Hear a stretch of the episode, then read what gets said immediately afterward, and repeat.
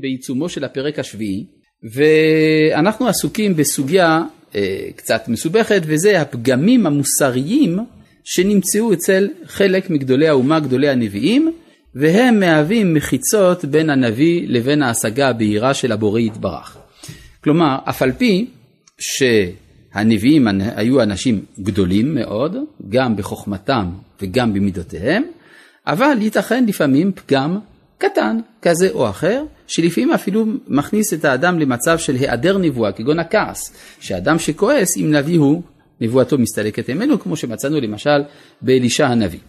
והנה אנחנו נמשיך עכשיו בפרק שביעי, אה, באיזה עמוד בדיוק זה משתנה לפי המהדורות, כך שאינני יכול להגיד מה, אה, עמוד מדויק, אבל מי שמשתמש במהדורה הזאת שאני מחזיק אותה, שאגב אני חושב שהיא מהדורה טובה, כדאי, לה, אני ממליץ עליה, אז אה, זה בעמוד ר"ג בפסקה למטה. כן, אנחנו ברשימה אם כן של מידות בלתי מתוקנות באופן מוחלט אצל גדולי האומה שעיכבו את ההשגה. מצאנו כבר, אם כן, אה, אה, דוגמאות מדוד, משלמה, דוד, אליהו, שמואל, יעקב אבינו ואלישע, ואלישע הנביא. כלומר שש דוגמאות. אנחנו מגיעים כאן אל הדוגמה השביעי עוד פעם מיעקב. כן, דוגמה שביעית. ובעבור האנחה והדאגה של יעקב אבינו עליו השלום. כלומר, להיות עצוב, להיות בדאגה, להיות במצוקה, גם זה מונע את הנבואה. לפעמים אנשים חושבים מתוך מצבי דיכאון, מתוך מצבי מצוקה, יגיעו להשגות עליונות. אתם רואים פה ההדרכה של היהדות בדיוק ההפך.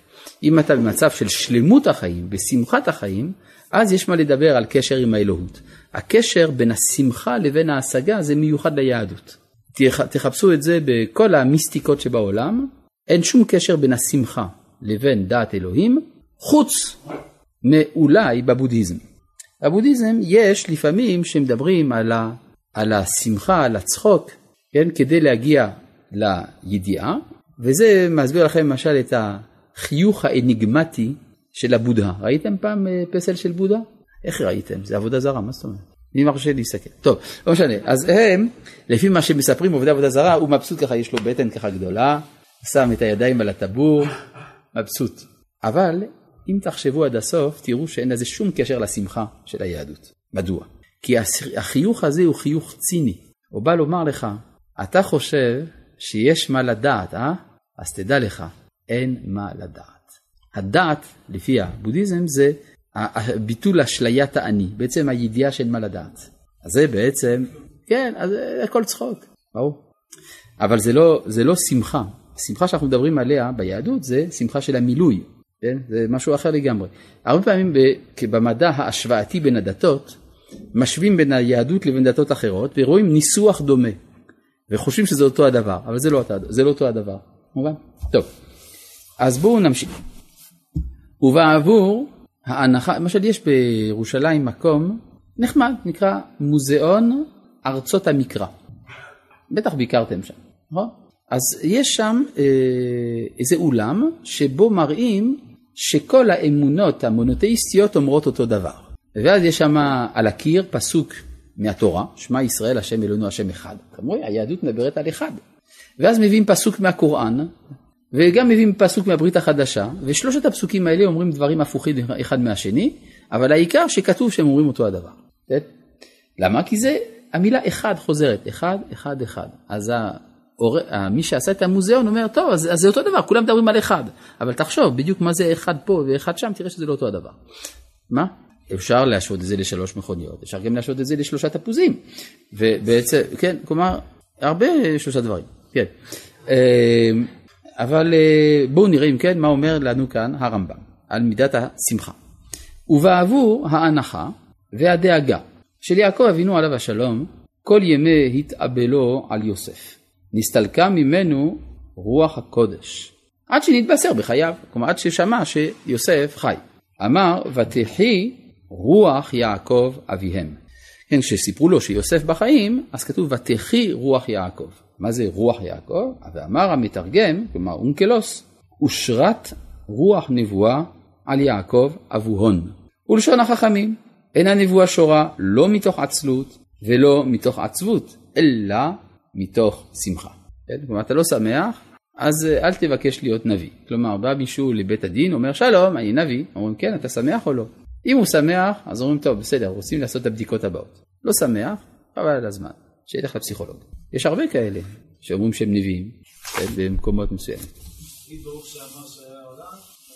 בדיוק. וכאשר ידע משה רבינו, עכשיו אנחנו עוברים אל המדרגה של משה. עד עכשיו דיברנו על כל הנביאים, שאמרנו על הנביאים שיש להם מדרגות בהשגת האלוהות, כלומר, לפי, הרב, לפי הרמב"ם, מחיצות מבדילות, דהיינו פגמים באישיות, אבל אצל משה רבנו הייתה רק מחיצה אחת. אמרו חז"ל, משה הסתכל, הסתכל באספקלריה המאירה. אספקלריה, פירושה מראה, מראה. כן? זה בא מהלטינית, בלטינית ספקולריה זה מראה. בלטינית, בלטינית, כן? שזה המקור של השפות הלטיניות, אז לכן לא אכפת לי מה זה בספרדיטו, אבל בסדר, בסדר, אין בעיה. כן. אבל uh, בלטינית, ספקולריה זה מראה. אז uh, אם כן, משה רבנו הסתכל במראה אחת מלוטשת, uh, מלוטשת ושקופה. כלומר, כמעט הוא מגיע אל ההשגה, אבל יש משהו שחוצץ. מהו הדבר החוצץ הזה? בואו נראה. מה? כתוב שמשה היה מסתכל באספקלריה המאירה. כשהוא היה מתנבא. כן. וכאשר ידע משה רבנו עליו השלום, שלא נשארה לו מחיצה שלא הסיר אותה, וכי נשלמו בו מעלות המידות כולן, והמעלות השכליות כולן. אם כן, משה ידע על עצמו שהוא האדם השלם ביותר על פני כדור הארץ.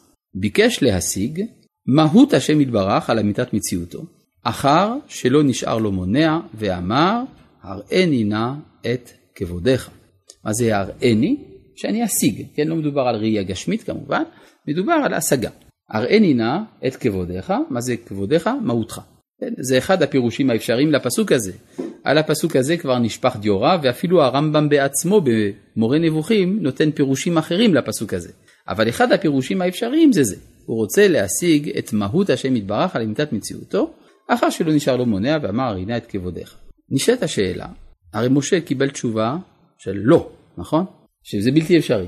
נשאלת השאלה, צריך להיות משה כדי לדעת שזה בלתי אפשרי? הרי כל סטודנט לפילוסופיה, אחרי סמסטר אחד, כבר יודע שכל ההכרות האנושיות הינן סובייקטיביות. ממילא שאי אפשר להשיג את העצמות האלוהית. אז מה שהסטודנט בסמסטר ראשון של שנה ראשונה בפילוסופיה יודע, משה לא יודע. מבין את השאלה שלי? כן? יש הרבה דברים כאלה, אגב, אנחנו רואים בתנ"ך, בכלל אצל הקדמונים, שהם שאלו שאלות, שהתשובה עליהן לכאורה טריוויאלית לחלוטין. נביא לכם דוגמה אחרת. אברהם אבינו שאל מי זה אלוהים? אולי השמש? אולי הירח? אולי העננים? כן, מכירים את המדרש הזה. אברהם אבינו. נשאלת השאלה, מה קרה לו לאברהם אבינו? הוא לא יודע מה שאנחנו יודעים? שהשמש זה לא אלוהים, ושהירח זה לא אלוהים? כן? או למשל, שרה אימנו, היא שמעה שאף על פי שהיא עקרה, והיא בת 90, היא תלד. אז היא התחילה לצחוק, מה, זה בכלל אפשרי? יש את השאלה, מה, מה זה החוצפה הזאת? הרי מי שאומר שהקדוש ברוך הוא לא יכול, הוא כופר. וזה מה שאומר לה השם, היפלא מהשם דבר? אז מה, היא לא יודעת? מה שאנחנו יודעים? למדנו בתלמוד תורה, שהקדוש ברוך הוא יכול לעשות ניסים, מה היא לא יודעת? כן? ועוד, ועוד. כלומר, הרבה פעמים אנחנו רואים שאלות שמבחינתנו הן טריוויאליות לחלוטין, והקדמונים שאלו את השאלות האלה. גם פה, משה רבנו מבקש לדעת את המהות האלוהית. איך הוא לא יודע שזה בלתי אפשרי? התשובה היא, א', כשאתה הראשון ששואל את השאלה, השאלה לגיטימית. כלומר, כששרה למשל שאלה האם יכול להיות נס, זה בגלל שזה היה הנס הראשון בהיסטוריה. לפני כן לא היה. ולכן מי אמר לך שהקדוש ברוך הוא עושה ניסים? אולי הוא לא עושה. היא מאמינה בקדוש ברוך הוא, אדרבה, היא חושבת שלומר שיש נס, זה הכפירה. כלומר, לומר שריבונו של עולם שמנהל את עולמו על ידי הטבע, פתאום ישנה את הטבע, אולי זה מה שלא בסדר, אולי זה הגידוף. כן? ולכן השאלה שלה לגיטימית. אחרי שהיא קיבלה את התשובה לשאלה, מי שחוזר ושואל, אז זה כופר. ברור? כמו שכשאברהם אבינו אומר, במה אדע כי ירשנה? אה, מה פתאום שאני אזכה בארץ ישראל? אבל אחרי שהקדוש ברוך הוא מסביר לו איך הוא יזכה, אז מי שיאמר, אני לא רוצה את ארץ ישראל כי אני לא מאמין בזה, או כי אני לא ראוי לזה, זה כבר כפירה. כן? כלומר, תמיד הראשון ששואל, השאלה לגיטימית, אחרי התשובה, השאלה כבר מפסיקה להיות לגיטימית. מובן? זה נקודה ראשונה. דבר נוסף, לגבי משה רבנו, הרי הוא האדם הראשון שהגיע למעמד הזה, שאין לו חיסרון. אז מי אמר לך שזה שאנחנו מכירים, בזה שכל הקטגוריות הן סובייקטיביות, זה נכון גם עבור אדם שאצלו כבר כל החסרונות סולקו. אתה לא יכול לדעת. לכן רק משה יכול היה לשאול שאלה כזאת. אולי אצלו זה כן נכון שאפשר להשיג את העצמות באופן אובייקטיבי, ידיעה אפריורית של האמת. אולי. ולכן אי אפשר לבוא בטענות אל משה שהוא שואל את השאלה הזאת, אדרבה. אם משה יכול לשאול את השאלה הזאת, זה בגלל שהוא האדם היחיד בעולם שיכול לשאול שאלה כזאת. זאת המעלה שלו. ברור? אז עכשיו, אחרי כל ההקדמה היפה הזאת שהסבירה לכם את הכל, אנחנו יכולים לקרוא את הטקסט. וכאשר ידע משה, אני שוב חוזר לשורה הראשונה, וכאשר ידע משה רבנו, עליו השלום, שלא נשארה לו מחיצה שלא הסיר אותה, וכי נשלמו בו מעלות המידות כולן והמעלות השכליות כולן, ביקש להשיג מהות השם יתברך על אמיתת מציאותו, אחר שלא נשאר לו מונע, ואמר, הראני נא את כבודיך, עד כאן. והודיעו השם יתברך, שאי אפשר לו זה. למה? בהיותו שכל נמצא בחומר, רצונו לומר, מאשר הוא אדם, והוא אומרו, כי לא יראני האדם וחי. אז מה זה המחיצה הזאת? זה לא מחיצה מידותית, זאת מחיצה מנטלית. הסובייקטיביות של ההכרה האנושית, שהיא שייכת גם באדם המושלם כאדם. זה מה שאומר כאן, הנה לא נשארה לו בינו ובין השגת הקדוש ברוך הוא על אמיתת מציאותו, אלא מחיצה אחת בהירה, והוא השכל האנושי, הוא עצמו המחיצה, שאינו נבדל. כלומר, הוא לא עומד בפני עצמו בלי החומר. יוצא לפי זה שמתי אה, אה, מתי משה יכול להגיע להשגה האמיתית? כשהוא משתחרר מן המעטפת הגופנית. וזה קרה לו מתי? כשהוא מת. יפה. לא, המחיצה המנטלית מקורו, מקורה בהיותו בגוף פיזי. ברגע שהשתחרר מן המעטפת הזאת, אז הוא מגיע להשגה אובייקטיבית. יוצא לפי זה שהוא מגיע לזה כשהוא, לא, זה לא, אז לכן זה לא נכלל בבעיות המוסריות, זה בדיוק מה שהוא אומר. הרי הושלמו אצלו כל המעלות השכליות והמידות, ככה הוא אומר. יוצא לפי זה שיש עוד מחיצה מסוג אחר, שלא דיברנו עליה עד עכשיו, וזה היות השכל האנושי בלתי נבדל. לא, אצל שאר אדם שהם לא במדרגת משה, יש מספיק בעיות גם ככה. יש בעיות של פגמים מוסריים, או מידותיים, או שכליים, שהם מעכבים. אה, זה, והם תולדה של מה שהוא עשה בהיותו בגוף.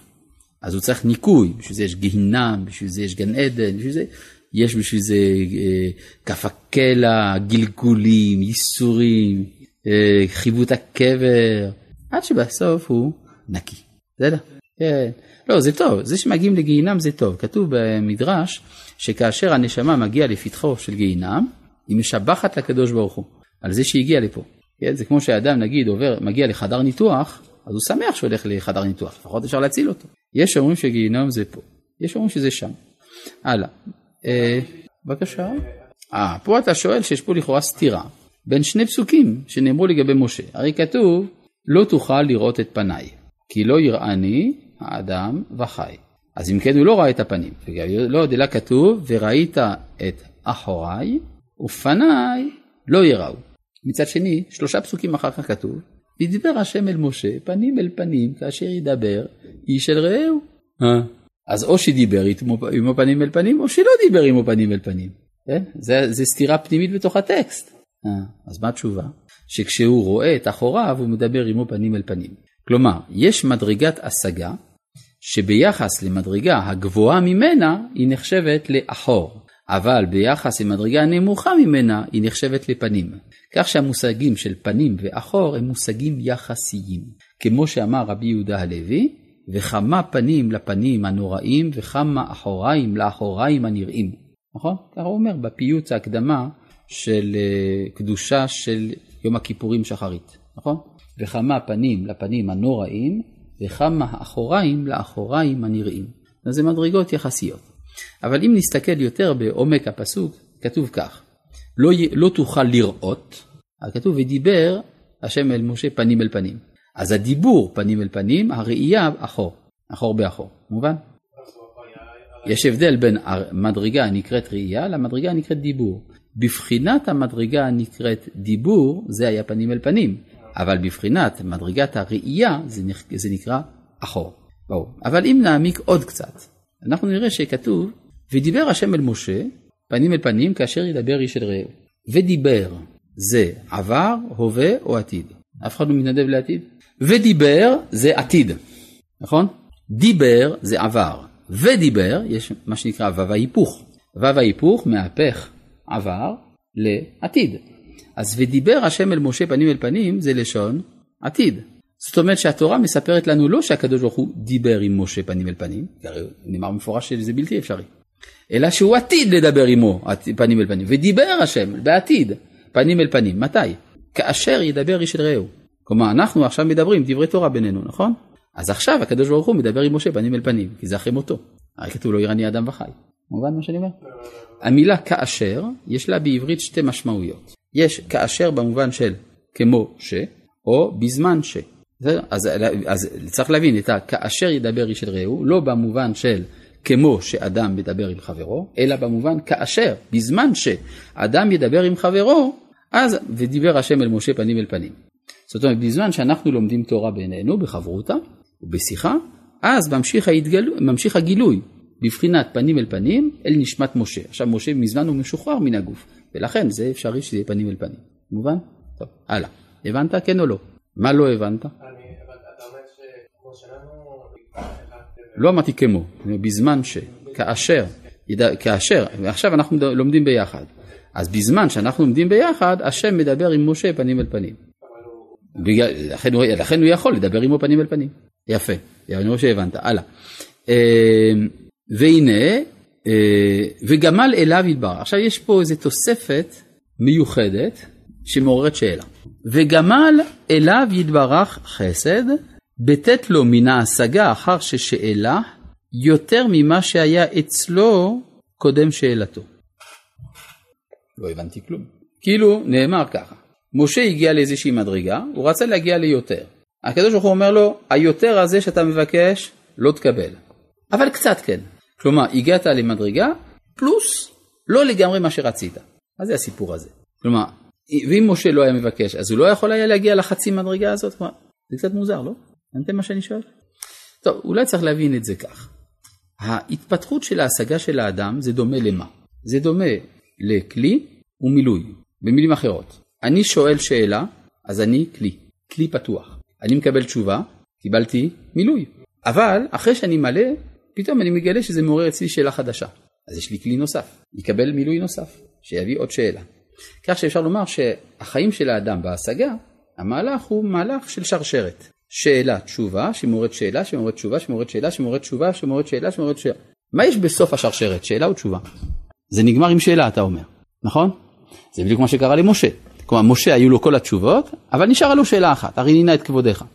ואז מה הוא קיבל? חצי תשובה. למה? כי יש לנו כלל, שאלת חכם, חצי תשובה. נכון? יש ביטוי כזה אצל חז"ל. שאלת חכם, חצי תשובה. כלומר, במילים אחרות, משה, אם הוא לא ישאל, לא יקבל חצי תשובה. אבל כיוון ששאל, קיבל חצי תשובה. אני רוצה להבין מה זה החצי תשובה הזאת.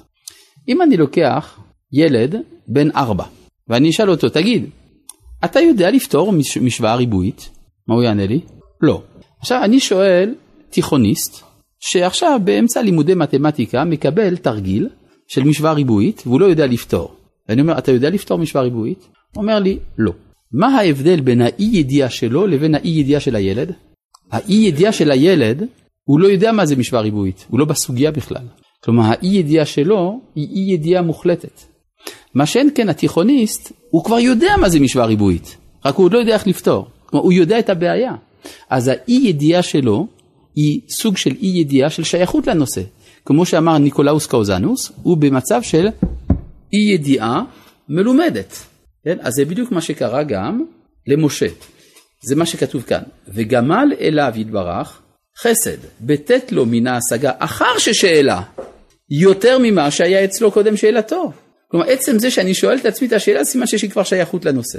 והודיעו שת, שתכלית ההיא, כלומר, להשיג את זה באופן מוחלט, אי אפשר לו מפני שהוא בעל גשם.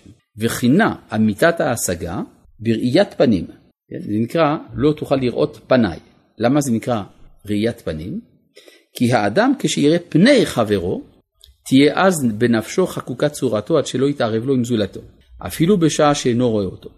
אבל כשיראה אחוריו, אף על פי שהוא מכירו בראייה ההיא, פעמים יסופק עליו ויתערב לו עם זולתו. כלומר, לפעמים אני תופס מישהו מאחורה, אני אומר לו, אהלן, כמה זמן לא ראיתי אותך. אה, פתאום מתברר שזה לא הוא. סליחה, חשבתי שאתה מישהו אחר. כן? כלומר, זה ראיית האחור. ראיית האחור יכולה להטעות. כן, השגתו יתברך על האמת היא ידיעת השם יתברך מאמיתת מציאותו, מה שלא ישתתף במציאות ההיא זולתו מן הנמצאות. כלומר, אם אתה רוצה הגדרה, אפשר לומר כך, של האלוהות, אתה צריך שתוכל להבחין בין אלוהים לכל נמצא אחר. זה בלתי אפשרי. כלומר, עבורנו ידיעת האלוהים תמיד מעורבת עם שאר הידיעות שבמציאות. זה קצת פנתאיסטי מה שאני אומר. עד שימצא בנפשו מציאותו חזקה ונבדלת על מה שמצא בנפשו ממציאות שאר הנמצאות, ואי אפשר לאדם להשיג זה השיעור מן ההשגה. אלא שהוא, כלומר משה, עליו השלום, השיג למטה מזה מעט, והוא אשר קינה ואמר וראית את אחוריי, ואני עתיד להשלים זה העניין בספר הנבואה, שהרמב"ם הבטיח לכתוב, והוא בסופו של דבר לא כתב. אבל עיקר העניינים שהוא רצה להכניס בספר הנקרא ספר הנבואה, הוא הכניס בספרו מורה הנבוכים, כפי שהוא מסביר בהקדמת המורה. עד כאן להיום. שלום.